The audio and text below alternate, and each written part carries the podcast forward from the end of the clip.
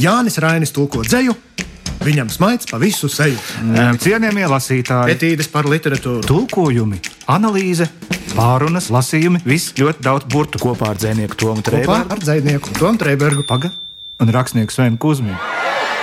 Trešdienās 15.35. LR1. Sveicināti augstu godātās radioklausītājas un ļoti cienījamie radioklausītāji. Es esmu gandrīz pārliecināts, ka bija otrādi cienījamās dāmas un godātie kungi, bet tas nekas, tas nekas. Mēs esam progresīva apvienība. Nu, es gribēju tā kā Ivo Krumholts, kurš sveic savus klausītājus lielajā pieciniekā. Es turpretī gribēju piesieties bezjēdzīgiem vārdiņiem. Labdien, cienījamie lasītāji! Labdien, cienījamie lasītāji! Visi mani centieni būt galantam izgāzās kā veca sēta. Tagad tev vajadzētu iepļaukāt mani ar cimdu vai Es jau nevaru, masku, tāpēc, un ka starp mums ir norobežojošais plastikāta norobežojums, plastikāta kārta. Nu, jā, Nu, labi, mēs varam mūsu- šauties ar pirkstu pistolītēm. Tas ir mūsu drošības labad, protams. Mēs vēl ar vienu turpinām ceļu, kuru uzsākām kopā ar tulkotāju Zani Rozenbergu.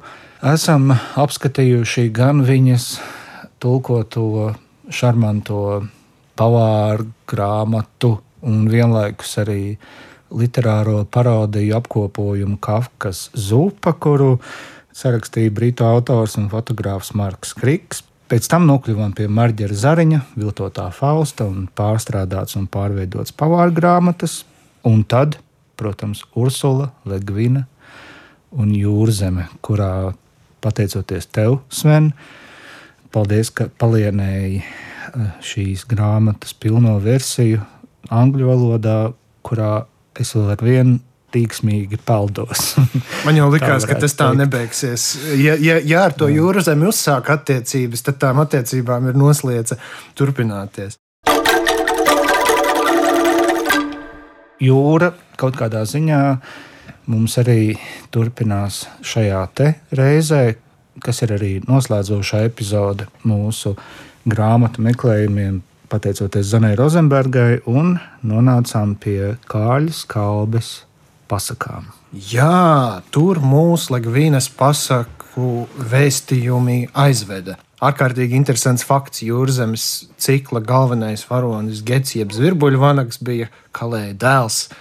Latviešu rakstnieks Kārlis Skalbe arī bija Kalēja dēls. Tā kā viss, vienmēr sakot, saslēdzas skaistā schēmā. Man arī liekas ļoti jauki daži no kāļas kalbas um, amatiem, kuros viņš darbojās. Nu, tādos puiša gados viņš, piemēram, bija arī vēršu dzinējs, iztēlojies.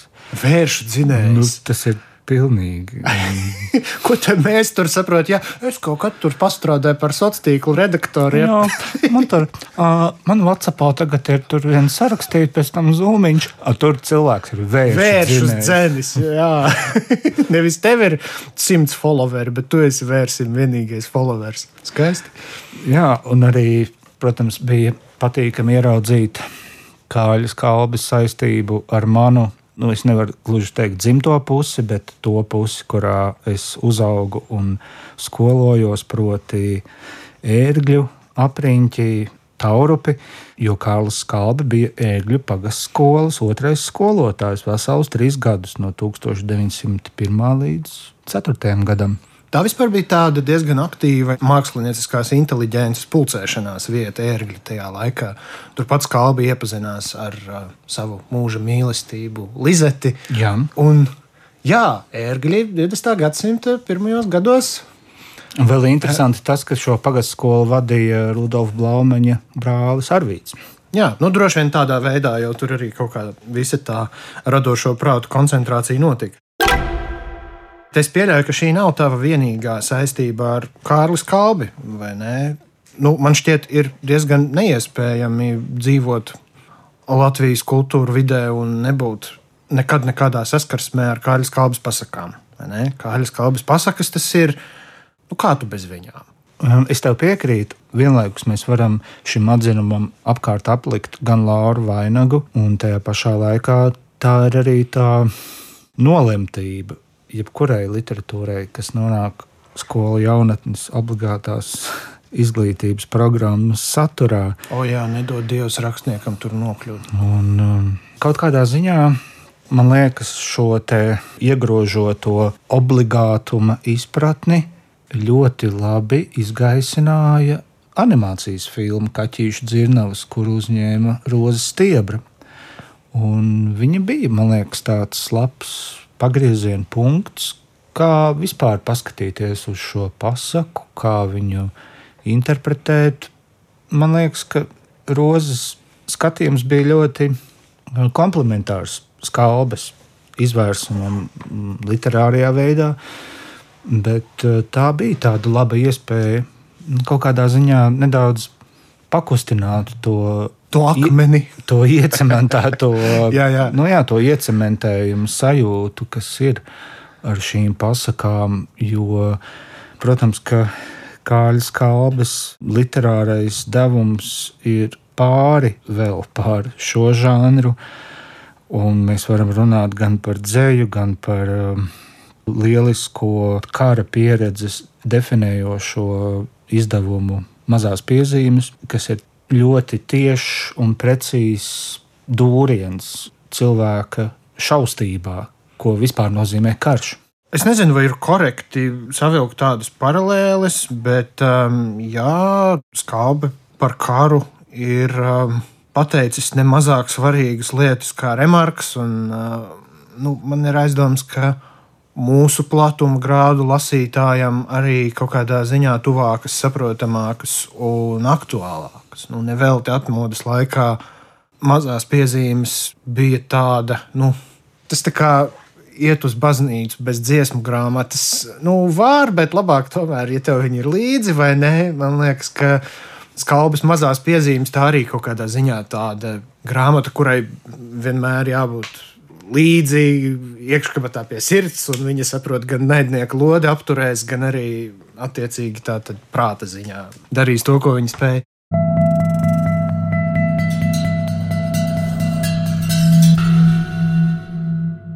Saki, lūdzu, kad tu pats pēdējo reizi biji tā mērķiecīgi pārlasījis skābes pasakas? Nu, apmēram, mm. apmēram ap kuru laiku? Studējot Latvijas Universitātes filozofijas fakultātē, un tas tā tad bija 2005. gads, ja nemaldos. Mums bija tāds viens nogrieznis, kurā bija jāanalizē skābes pasakas. Tā bija pēdējā reize. Jā. Mm. Mm. Cik un, interesanti. Un tu, Sven, kad tu? Mm, bet, ja tādā pieaugušākā vecumā, tā, tad esi viņas lasījis. Es, tu zini, pēdējo reizi lasīju šīs pasakas skolas laikā. Tās pašas bēdīgi slavenās obligātās literatūras ietvaros un veicot to pašu skolniecisko literāro analīzi obligātā kārtā. Neko neatceros no tās analīzes, bet tagad, pievēršoties skalbes pasakām tā nopietnāk, man ir tāda sajūta, ka es esmu atklājis kaut ko pilnīgi jaunu. Tas, par ko es visvairāk biju spiests domāt, lasot šīs pasakas šodienas acīm, tas ir runājot nevis par māksliniecisko pusi, ja, bet tieši par literāro pieredzi kā tādu es pēkšņi sāku pārvērtēt to interpretācijas iespēju. Mērogu. Jā, un uh, paskaidrošu, kāpēc. Mums ar tevi ir uh, dažādi skābes pasaku izdevumi. Tev ir 50 kaut kāda gada, ja, un man ir savukārt Man ir 57. gada izdevums. Re, un man ir 79. Satura rādītājā pasakas ir gandrīz vai tās pašas lielākoties. Tā ir diezgan tuva tā izlase. Bet manai grāmatai ir Jāņa Sudrabkāna priekšvārds. Un Sudrabkāns es tagad necitēšu to priekšvārdu, jo tas ir ļoti garš, bet viņš nu, galvenokārt viņš analizē pasaku, kā es braucu ziemeļmētus lūkoties. Un, protams, ka viņš iespējams maksā nodevas savam laikam, taču Mēs nevaram zināt, vai tāda bija viņa interpretācija, vai arī viņa interpretācija bija daudz plašāka. Bet, protams, ka viņš ir uzsvēris divas lietas. Pirmkārt, tā pasaka ir par revolūciju, otrkārt, tā pasaka ir par latviešu tautas tikumu. Tieši šādā secībā. Jā, jā, man šķiet, ka tā arī bija. Vispirms revolūcija, un tad tikums, vai ne? Saliksim lietas. Varbūt sāksim ar revolūciju, un tad to tikumu. un tad to tikumu, jā. Nu, kā būs markot. jā, nu tā tur bija. Un Mums taču skolā mācīja, ko mums skolā mācīja arī diezgan tādu, nu, teiksim, virspusēju interpretāciju, ka, lūk, tūlīgie apaļie cilvēciņi ar savām zemajām debesīm, kas aizsprāž karotes aiz mākonīša, tik zemas ir šīs debesis viņiem. Un lūk, ko cilvēkam tā tad nodara aprobežotība ar savu komfortu? Sudrabkalna interpretācija turpretī ir tāda, ka nu, bez šaubām tas taču nevar būt nekas cits kā buržuāzijas kritika un tam līdzīgas lietas. Un es lasot to pasaku, es ļoti, ļoti cītīgi strādāju pie tā, lai savā prātā atbrīvotos no jebkādām interpretācijām. Jo es vienā brīdī sapratu, ka man viņas drausmīgi traucē lasīt. Man viņas traucē pirmkārt novērtēt jebkādu darba literāro kvalitāti Un otrkārt, tas ir zini, tāds sloks, pusfabricēta doma. Tu tikai pievieno karstu ūdeni, un tev ir gatava izpratne par literāro darbu. Un es pārlasīju divas reizes to pasaku. Man liekas, viņa ir tik brīnišķīgi uzrakstīta, bet es nevaru vairāk bez tām revolūcijām un tiem tikumiem viņu lasīt. Lai gan man šķiet, ka tur ir kaut kas daudz, daudz vairāk. Jo, ko nozīmē interpretācija? Tu jau patiesībā tikpat labi vari uz jebkā uzprojicēt jebko. Tāpēc man liekas, ka interpretācija ir ļoti bīstama un slidena teritorija. Ja teiksim tā, interpretācija ir ļoti privāta lieta, intīma pat varētu teikt. Nu, interpretē, interpretē, lūdzu, bet dari to ar varbūt aiz slēgtām durvīm. Jā, jā. jā. Un aizē lūdzu painterpretē kaut ko tālāk no mums. Jā. Bet tad es secināju, ka Un es secināju, ka man ir tā pati problēma ar pasaku par vērtiņu, man ir tā pati problēma ar jūras vāravu un nu, visiem zināmākajiem skalbas darbiem. Bet ko līdz es pieskaros tām viņa pasakām, kas ir mazāk zināmas, vairāk eksperimentālas un par kurām vismaz man nav gadījies dzirdēt nekādus gatavus interpretatīvus priekšstatus. Tur sākās literārais piedzīvojums. Es domāju, tūlīt sapratīsi, par ko es runāju, jo Tik pieņemsim, ir fragments no ļoti, ļoti netipiskas skābes pasakas, kas saucas 15. Diezgan maz zināms, vai ne? Viņa darbs miniatūriņa tāda. Nolasīšu visu pirmo daļu, visu pirmā daļa diezgan īsa.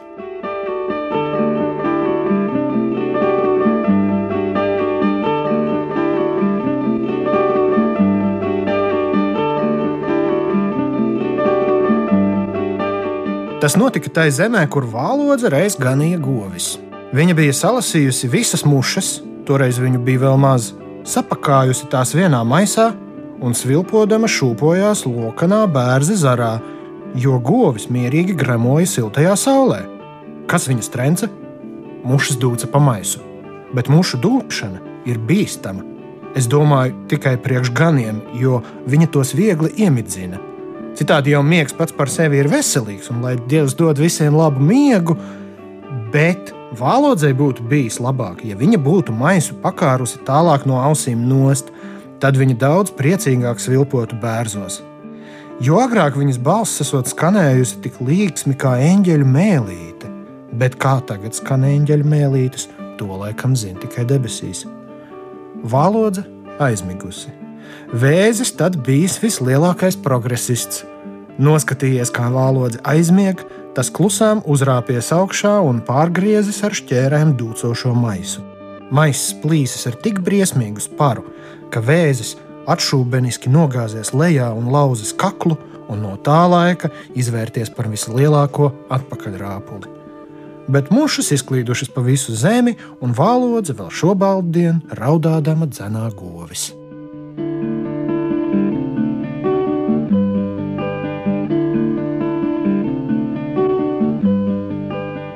Cienījamie lasītāji, šodien mēs ar Svenu pārlasām kāļas kalbas pasakas, vismaz kādu mazu uzpirksteņa daļu no šīm pasakām, un Svens nu pat nolasīja fragment no pasakas ar nosaukumu 15. Vai es drīkstu īsi ieskicēt 15 kas? Lai cienījamie lasītāji zinātu, jo tas ir ļoti svarīgi. Tas lūdzam, ir svarīgi zināt. Lūdzam, lūdzam. Tu varbūt atceries, ka Daglasam Adamsam grāmatā stopotāja ceļvedis uz galaktiku bija nu, tāda formula, ka dzīves jēga ir 42. Jā. Kārlis Skalbe daudzus gadus pirms Daglas Adamsa būtu gatavs pastrīdēties, jo pēc viņa formulējuma galvenais ir 15. Vismaz šīs pasakas ietvaros. 15 ir atbilde uz visu. Ir daži tādi, kas uzskata 16, bet nu, par tiem tur tā pasmējas. Man vispār liekas 15 ļoti simpātisks skaitlis, jo jā, viņš tāds apaļš kaut kādā ziņā. Tā, tā skābes varoņi arī teica, jā, tieši tā. Es gribētu paturpināt tevis izvirzīto domu par to, ka tu ļoti centies, un tev tas arī acīm redzot izdevās, norobežoties no interpretācijām. Piemēram, manā Kāļas kalbas pasaku izdevumā ir arī ilustrācijas, tā vējā nav. Jā. Un šeit ilustrācijā autors ir Valdmaņa kungs. Iespējams, viņa vārds ir vai nu Viktors, vai Valdis, vai Vilibalds. Man nav zināšana, bet tur vienkārši gribētu, lai būtu Vilibalds. Vilibalds foršs vārds. Vienkārši burts V. Nu, lūk, un šie attēli arī dod to interpretāciju. Bet man tiešām viņa traucē. Un tas ir tāpat kā, pieņemsim, mēdnīcā, tev tur spiež ņemt tur kaut kādu kompotu vai tur, es nezinu, nu, kaut ko, vai arī tu gribi paņemt uh, kotleti ar tur kaut kādu kartupeļu biezeni, bet dienas piedāvājumā ir kotlete ar vārītiem kartupeļiem. jā, jā. Un, ta, un kāpēc tad jūs neņemat piedāvājumu? Un es negribētu teikt, ka es tās ilustrācijas līmeņi ciet, bet man tiešām viņas kaut kā sita laukā, jā. to skalbes tīro ekstraktu uztvert. Un vēl viena alegorija ir tāda, ko es cenšos pēdējā laikā darīt. Laikrakstā ir, es risina krustvārdu mīklas, un tad es skatos iepriekšējā numura nu, atbildes. Bet man ir ļoti uzmanīgi viņas jāskatās, jo es droši vien nejauši ieraudzīšu kaut kādu citu, ko es nu, nemaz negribēju uzzināt no tām jā. atbildēm. Un, es tā kā zinātu, kā beidzās grāmata. Nu, jā, jā. Kad beigās pasakā, ah, nu jā, nu tur taču visi nomira. Nu jā, un tam līdzīgi. Gribētu nolasīt fragment no pasakas Jūras Vārava gan ar to iespaidu, ka viņa man nedaudz atsauca atmiņā Giljermo del Toro filmu Ūdens forma, bet nu, tikai ļoti nedaudz droši vien šī iemesla dēļ, ka tā dzīvā būtne saistīta ar ūdeni, viņa nonāk pasaulē, kas vairs nav ūdens, bet tā ir arī ļoti skaudra pasaka tādēļ, ka, nu jā, te varbūt mēs jau riskējam nodarboties ar to interpretāciju, bet manuprāt, ka šoreiz skābe ir vēstījis par tīrā elementa neiespējamību ne jau nu gluži netīrā pasaulē, bet tādā sarežģītā, nekārtīgā pasaulē, un varbūt kaut kādā ziņā nepareizā, nu, kāda ir šī meitene no ūdens, kas satiekas ar puisi.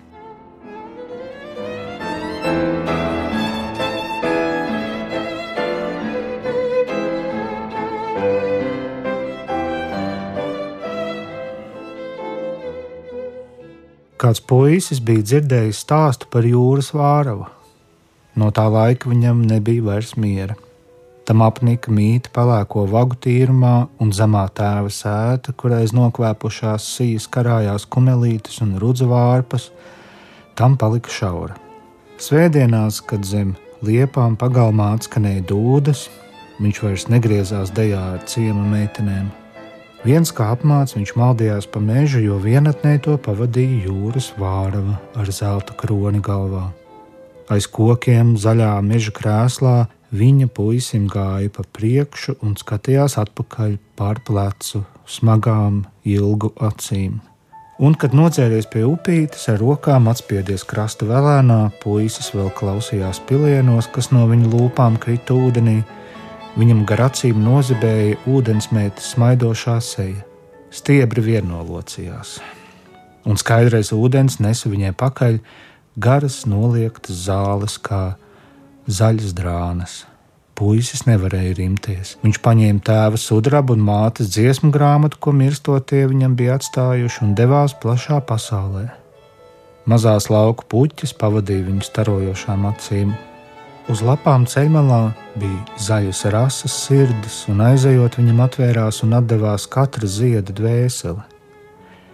Viņš ņēma līdzi kumelīšu kluso smaržu, rūdzu ziedu pelēkos putekļus un dievkociņu zaļo mūžības atmiņu. Ik katra ežiņa viņam sniedza savu mantojumu. Vēsmas, kā neredzamas bites, nāca no birzas, no pļavas, no lauka un metās viņam uz pieres, uz vaigiem, uz pleciem un atdeva savu bagātību. Bet puiša lielākā bagātība bija mātes dziesmu grāmata. Tur bija dziesmas, kā tie eņģelīši piepostiem vaigiem pie vecās ciema baznīciņas altāra, kur katrs smaidošais vaidziņš pilns debesšķīgu skaņu.